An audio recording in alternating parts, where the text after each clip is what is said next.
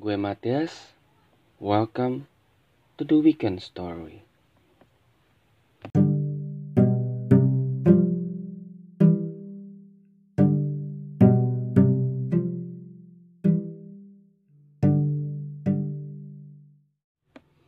Oke, okay, welcome again di podcast gue.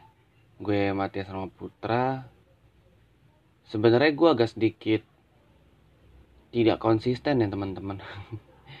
Karena ya kembali penyakit bahwa gue tidak mengupload episode-episode dengan sesuai jadwal yang gue canangkan yang membuat gue harus modifikasi apa sih nama uh, episode di podcast gue dan and so on and so on jadi ya gue akhirnya mengubah menjadi weekend story setelah beberapa segmen tuh kayak gue bikin low talk terus Saturday morning gue pikir itu lebih baik gue satuin aja deh jadi satu episode.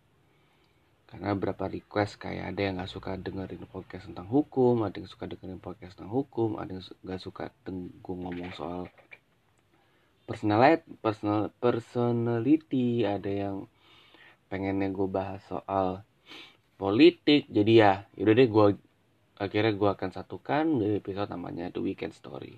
Akan menemani anda di setiap akhir pekan entah itu hari Sabtu atau hari Minggu tergantung kapan saya mau ngupload. Oke. Okay.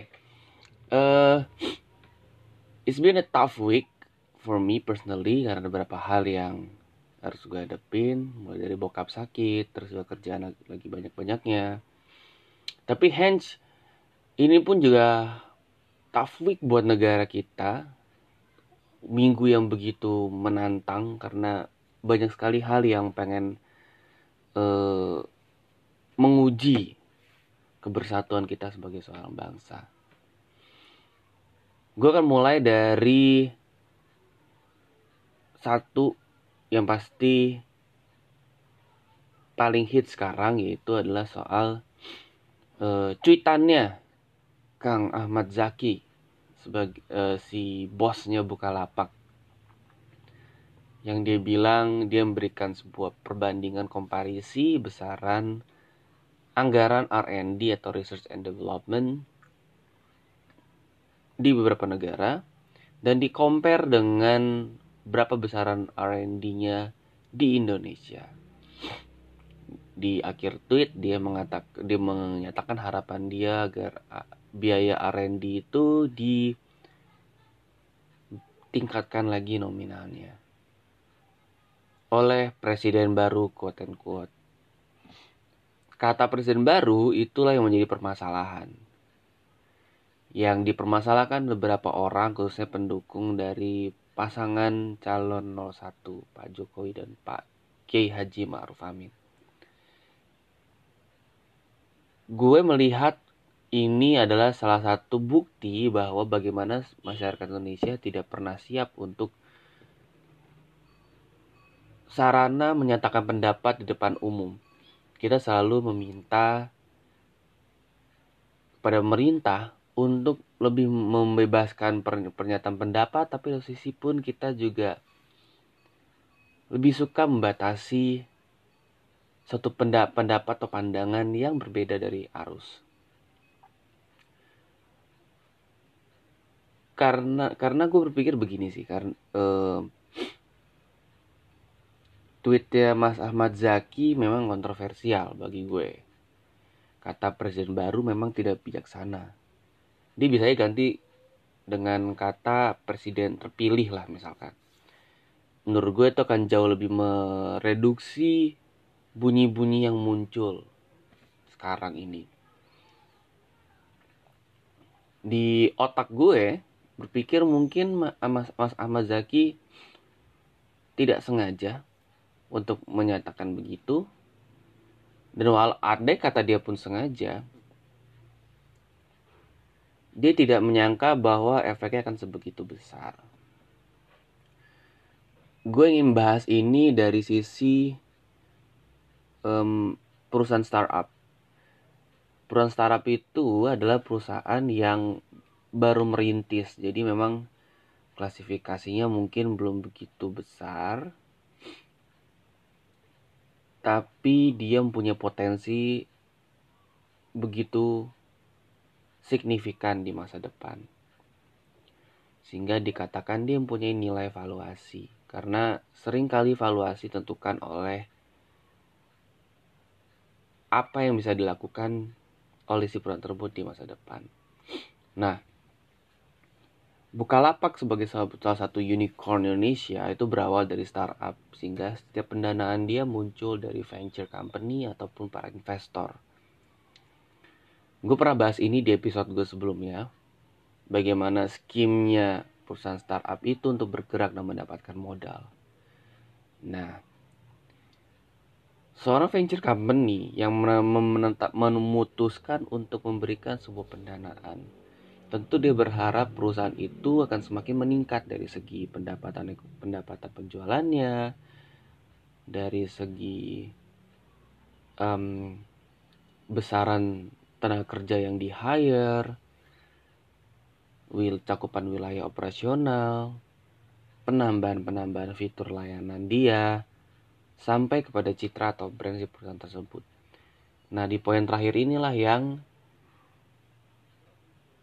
Seringkali para founder startup itu agak slip tang sehingga membuat uh, si perusahaan, perusahaan startup tersebut merugi dari segi nilai valuasinya menurun. Apakah ini terjadi di Indonesia? Enggak juga. Elon Musk tuh pernah ditegur sama para investornya ketika dia masih dalam tahap mengembangkan Tesla atau mungkin ketika Tesla sudah uh, sebegitu besar seperti sekarang ini. Simple karena setiap kali Elon Musk itu memberikan tweet valuasinya Tesla itu turun sebegitu besar. Karena gue nggak tahu apa alasannya. Mungkin Elon Musk dengan citra dia agak kontroversial dan kadang ide dia bagi gue itu agak sedeng sehingga membuat uh, nilai valuasi Tesla semakin mengambang. Nah, selain Tesla, apalagi Snapchat juga pernah ngalamin itu. Jadi suatu ketika di beberapa waktu sebelumnya Kendall Jenner itu pernah mengupload bahwa Snapchat itu tidak bisa dah nggak begitu efektif lagi untuk digunakan. Sehingga membuat tiba-tiba valuasi Tesla lagi valuasi Snapchat turun sampai satu juta dolar. Efek sebuah tweet atau post di sosial media bisa berujung kepada valuasi sebuah startup turun gue nggak menyalahkan kebebasan berekspresi Mas Ahmad Zaki tapi gue sedikit mengkritik seorang Mas Ahmad, Mas Ahmad Zaki. Kenapa? Karena mungkin eh, Mas Ahmad Zaki sebagai seorang manusia ingin sekali mengutarakan kebebasan berpendapat dia. Cuman sayangnya bagi gue um, ketika lo ada seorang CEO dan lo sudah diikat oleh venture company lo tahu bahwa segala tindak tanduk lu dalam running perusahaan sampai ke sampai ke kegiatan lo pribadi akan berpengaruh juga kepada perusahaan tersebut. Karena lo punya utang kepada venture company untuk mengembalikan modal yang sudah mereka invest. Kalau gagal ya venture company akan melakukan beberapa langkah-langkah hukum. Dia mau melikuidasi atau ngepay ngubarin lu, ngepalitin lu, ataupun dia bisa mengambil alih perusahaan lu dengan saham lu makin turun dan lu di kick out dan karyawan-karyawan dalam digantikan dengan karyawan andalan si venture company tersebut gitu. Bagi gue Mas Ahmad Zaki mungkin slip down di situ atau mungkin dia emang over PD lah. Gue nggak tahu apa yang menjadi ke percayaan diri dia sehingga dia bisa mengetut itu. Cuman bagi gue reaksi masyarakat itu pun juga tidak bijaksana karena bagi gue gini ketika ada seorang menyatakan pendapat berbeda dan dia adalah seorang public figure yes apakah itu berpengaruh pada suara yang swing voter? Mungkin berpengaruh.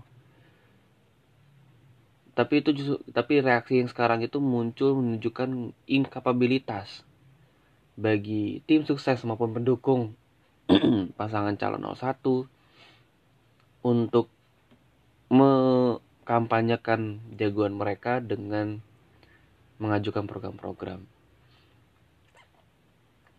Instead mereka kayak sampai bikin kayak jadi satu akun partai PDIP itu sampai nulis uninstall Bukalapak gitu ya boykot Bukalapak dengan banyak argumentasi-argumentasi. Yang mereka katakan Pak Jokowi sudah turut membantu untuk mengembangkan Bukalapak di segi regulasi cuman Bukalapak kenapa menusuk dari belakang? Dengan menyatakan pilihan yang berbeda dengan tidak memilih Pak Jokowi. Yang menurut gue itu sangat munafik karena ketika Pak Jokowi acting di sana dia sebagai presiden.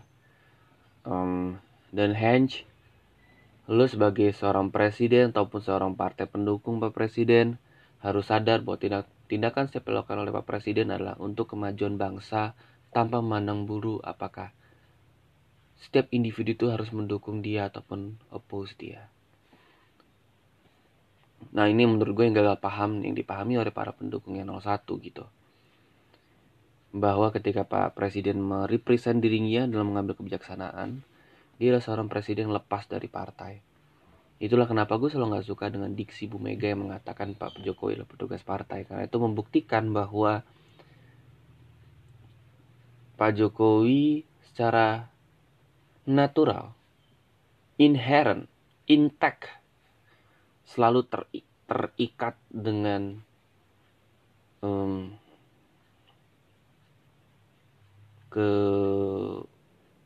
kewajiban untuk menuruti apa kata Bu Mega. Well, agak asu sih memang. Cuman ya inilah politik. Kalau kita bicara politik sepraktis-praktisnya inilah yang lo hadapi sekarang.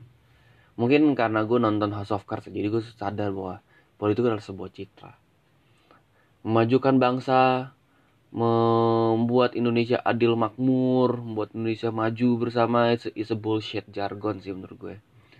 Karena Indian ketika dia pun naik apakah ada yang berubah mungkin gak akan signifikan. Gitu dan di ini digoreng sama 02 jadi menurut gue ya sama aja lu munafik tololnya gitu dua-duanya. Kenapa? Karena sebenarnya 02 pun pernah melakukan hal sama ketika dia boikot Traveloka karena foundernya baru diindikasi mendukung Pak Jokowi. Boikot tuh Traveloka menurut gue itu pun sama aja tololnya gitu. Karena ya which means bahwa ya dua-duanya pun tidak bawa program apa-apa bagi rakyat dua-duanya tidak mencanangkan program sematang apa pun. Andai kata pun mereka tidak mau program. Mungkin ada bagian iya emang kita nggak ada tapi kita akan memastikan ketika kita naik kita akan merancang sehingga semua strateginya begitu baik dan segala macem bla bla bla bla. Jujurnya gue tak gue lelah dengan cara seperti itu sih.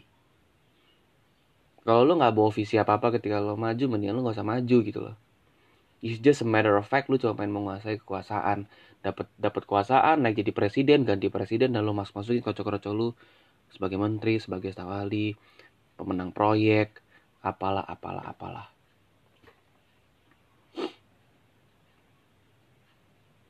Which means gue semakin apatis dengan pilpres ini gitu loh. Karena either side either side ya sama aja evilnya menurut gue. Siapa yang diuntungkan di pilpres kali ini adalah kaum muslim konservatif. Yang mereka butuh panggung. Setelah hampir cukup lama mereka cuma menjadi hewan peliharaan quote and quote-nya para penguasa. Menjadi sebuah jargon. Nyadar nggak lo semua? ya di 01 ya jelas maskotnya udah jadi calon wakil presiden. Belum lagi berapa uh, unsur-unsur dari kaum tersebut pun juga bergabung dengan 01 gue gak perlu sebutkan lo cukup riset. Siapa aja yang bergabung. 02 pun ya udah pasti. Karena itu udah secara inherently uh, kaum kaum Islam Muslim konservatif pasti gabungnya ke situ. Which mean inilah satu hal yang membuat bagi gue secara natural uh, kemampuan politiknya masyarakat Indonesia mungkin lebih baik daripada Amerika. Amerika adalah semua konservatif ngumpul di Partai Republik.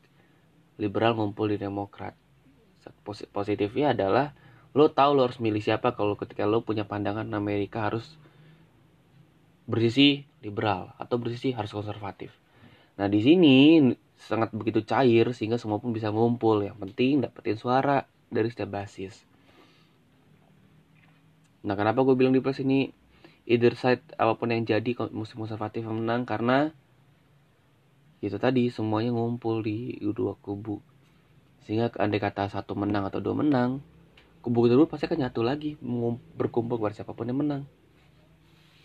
Yang dirugikan siapa? Yang dirugikan adalah orang-orang yang seperti gue yang cukup kritisan terbuka sehingga gue sadar bahwa siapa pun yang gue dukung tuh gak ada gunanya di pilpres ini. It's just about the interest. Dan gue gak mau memilih Pak Prabowo hanya karena gue penasaran Pak Prabowo akan memimpin seperti apa. Gue gak ada masalah Pak Prabowo menang. Atau Pak Jokowi lanjut, gue gak ada masalah. Tapi gue gak, gak akan mau memilih hanya karena serta-merta. Gue cuma penasaran kalau dia jadi, dia akan kayak gimana. Karena gue pernah melakukan itu di pilkada DKI. Hasilnya gue kecewa men. Gue milih Pak Anies, lihat sekarang Jakarta seperti apa. 3 JPU, diresmiin aja udah kayak cem dia nger dia ngerjain satu fasilitas yang bisa dinikmati. 10 juta warga DKI ya itu isu pertama sih. Itu ya tentang buka lapak dan segala macam ada pandangan gue aduh gue lapar. Isu kedua itu tuh um, berbicara soal ekonomi. Jadi devisa perdagangan sekarang Januari 2019 tuh terendah sepanjang sejarah Indonesia. Ini pasti gorengan lah bagi 02 ke 01. Tapi gue sempat baca-baca analisis-analisis, gue sempat baca apa tweetnya Pak Faisal Basri, Pak Hati Basri segala macem Sebetulnya ini adalah dampak kumulatif dari kebi bukan salah kebijakan ya dari pilihan kebijakan diambil oleh Pak Jokowi ketika memutuskan untuk mengenjot infrastruktur yang which mean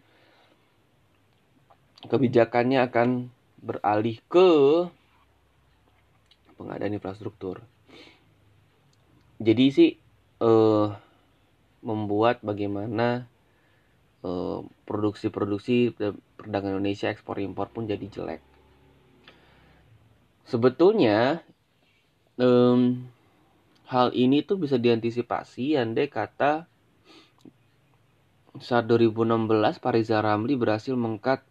Nggak dia nggak yang sampai gitu itu banget ya. Cuman ya uh, Pariza Ramli berhasil mengkat duel time pelabuhan tuh jadi lebih cepat. Cuman ternyata gagal karena Pariza Ramli terlalu sibuk dengan pencitraan sibuk kepret sana kepret sini ya pak. Gaya gaya raja wali apa gitu gue lupa nama jurusnya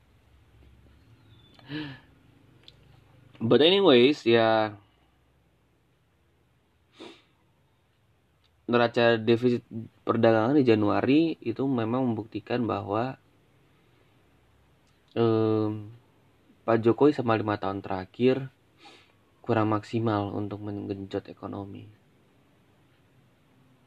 apa yang dilakukan Pak Jokowi adalah merapikan semua proyek infrastruktur yang dianggap prioritas untuk jadi dan membuat sistem investasi menjadi ramah bagi investor. Misalkan dia melakukan, menetapkan kebijakan bebasan pajak bagi investor yang melaksanakan usaha eh, investasi untuk pengembangan usaha Indonesia yang pionir yang which mean dia pun mendukung juga misalkan kayak ada startup aneh-aneh naik oleh visi asing. Nah itu bisa dipotong tuh bisa ada PPH segala macam perusahaan tersebut dipotong sehingga dividen terima oleh si visi makin besar. Atau misalkan penyederhanaan izin yang sekarang di OSS itu menurut gue kebijakan-kebijakan yang ramah investasi. Cuma Pak Jokowi lupa bahwa uh, apalah artinya sebuah mendirikan sebuah perusahaan atau baru atau investasi. Tapi kultur dan ekosistem bisnisnya tidak dipupuk. Sehingga menyebabkan kenapa ya jalannya jalan di tempat. Cuman ya gini ya teman-teman. Kalau lo konsultasi sama dokter ketika lo melihat ada satu pasien yang komplikasi dokter pasti tidak akan menyalahkan, menyembuhkan empat patah sekaligus kan ya. Dia pasti ya akan menyembuhkan satu dulu apa jadi prioritas. Misalkan orang itu sakit jantung ginjal paru. Kalau dia kasih obat semuanya tiga-tiganya ini akan berbahaya. Karena contoh nih misalnya lo kasih jantung aspirin misalkan dia buat supaya nggak begitu sakit.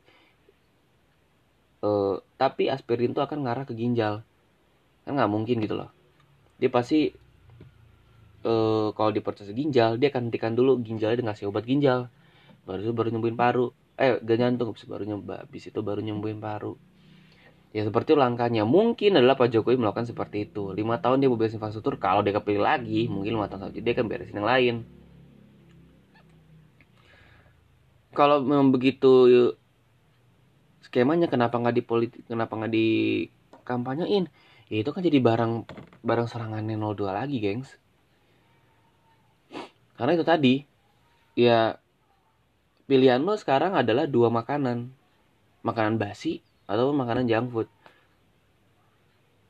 Lu melih uh, lu, lu harus makan selama lima tahun. 02 bagi gue ya makanan junk food. Makanan yang yang ditawarkan tuh jadi manis semua kan. Enak gitu. Ya kalau makan McD aja enak. Tapi kalau lu makan McD sebulan aja kalau nggak sakit sakit loh menurut gue itulah yang bisa gue gambarkan 02 jadi ya silakan lu mau pilih siapa gitu. Tapi balik lagi ke topik eh kalau misalkan ini terus terus kejadian apakah ada dampak pada investasi? Ya berarti pertumbuhan ekonomi untuk kuartal pertama tidak akan gede lagi nih. 5,1717 persen dengan kondisi kebijakan Pak Jokowi menurut gue udah cukup bagus cuman apakah nih importasi menurun mungkin pasti akan menurun. Gue nggak tahu CAD sekarang berapa atau kayak defisit perdagangan berjalan tuh berapa. Cuman menurut gue sebagai kacamata orang awam ini pasti akan menurun nih pertumbuhan ekonomi Indonesia untuk kata pertama 2019 which mean akan jadi barang lagi nih untuk serangan 02 kasih lagi jalan-jalan manis. Ya gue berpikir sih oh my personal record ya.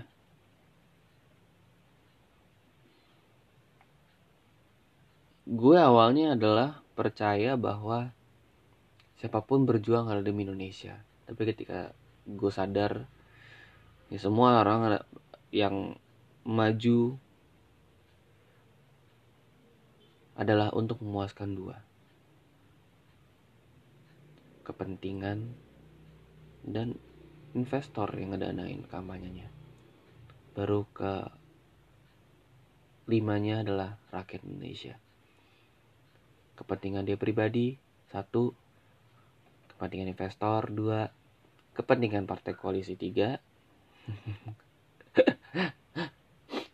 Kepentingan negara asing ngebacking dia empat.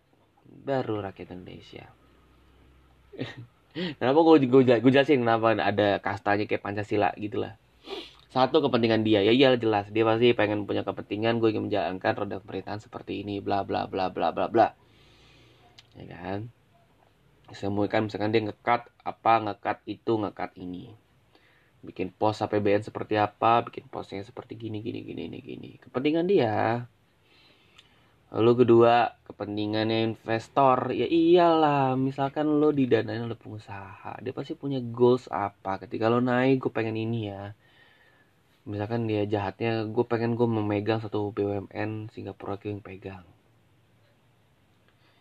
Itu salah satunya. Atau misalkan ada RUU gue pengen lo bikin draft seperti ini saya keinginan gue. Kepentingan partai koalisi? Ya iyalah. Gue pengen menteri pos menteri di sini ya sebegini besar. Gue pengen uh, orang-orang gue taruh jadi komisaris atau direktur BUMN ya.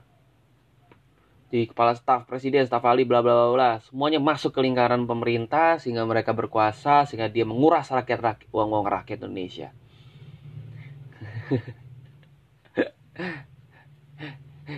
Jadi setan track setan aja ketika Pak Prabowo bilang semua manipulasi data. Gue sangat tidak percaya lah politik is just about the interest. Terus yang keempat eh keempat tuh apa ya tadi ya? Keempat tuh apa ya tadi? Gue lupa. Uh, satu tentang mana nah partai partai koalisi gue lupa deh keempat tuh apa ya adalah skip empat ya. Baru yang kali ya terakhir adalah rakyat Indonesia. Jadi ya intinya adalah lingkaran dia dulu dipuaskan baru lingkaran Indonesia. Nah yang harus yang lo gali dari para calon menurut gue adalah bagaimana dia bisa memberikan program yang serealistis mungkin. Serealistis mungkin. Sehingga lo bisa tahu oh ini ini bisa menjadi win solution untuk tadi gue bilang lingkaran dia terpuaskan tapi kebijakan rakyat pun juga to the point.